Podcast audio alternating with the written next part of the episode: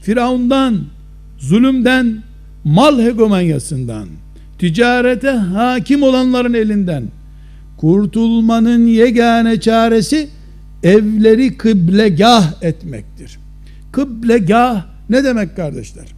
Kıblegah namaz ortamı haline gelmiş ev demektir. Namaz gibi insanın yöneldiği merkez demektir.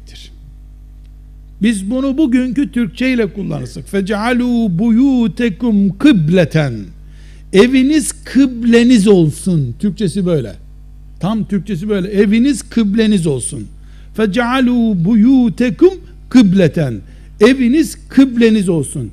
Yani Firavun ordusuyla, ticaretiyle, sahile, Nil nehrine, insanlara, ticarete, her şeye hükümran olmasına karşı siz çalışmanızı, eğitiminizi, bütün odağınızı evinize çevirin Allah buyurmuş.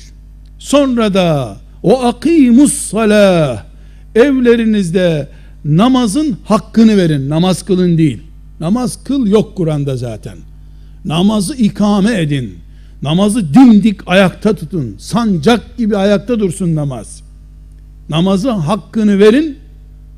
O beşşiril müminin evini kıblesi edinmiş. Yani ana hedefi, ana gayesi yaşadığı ev haline gelmiş. O evde namazın hakkını vermiş müminlere Allah'ın zaferini müjdele.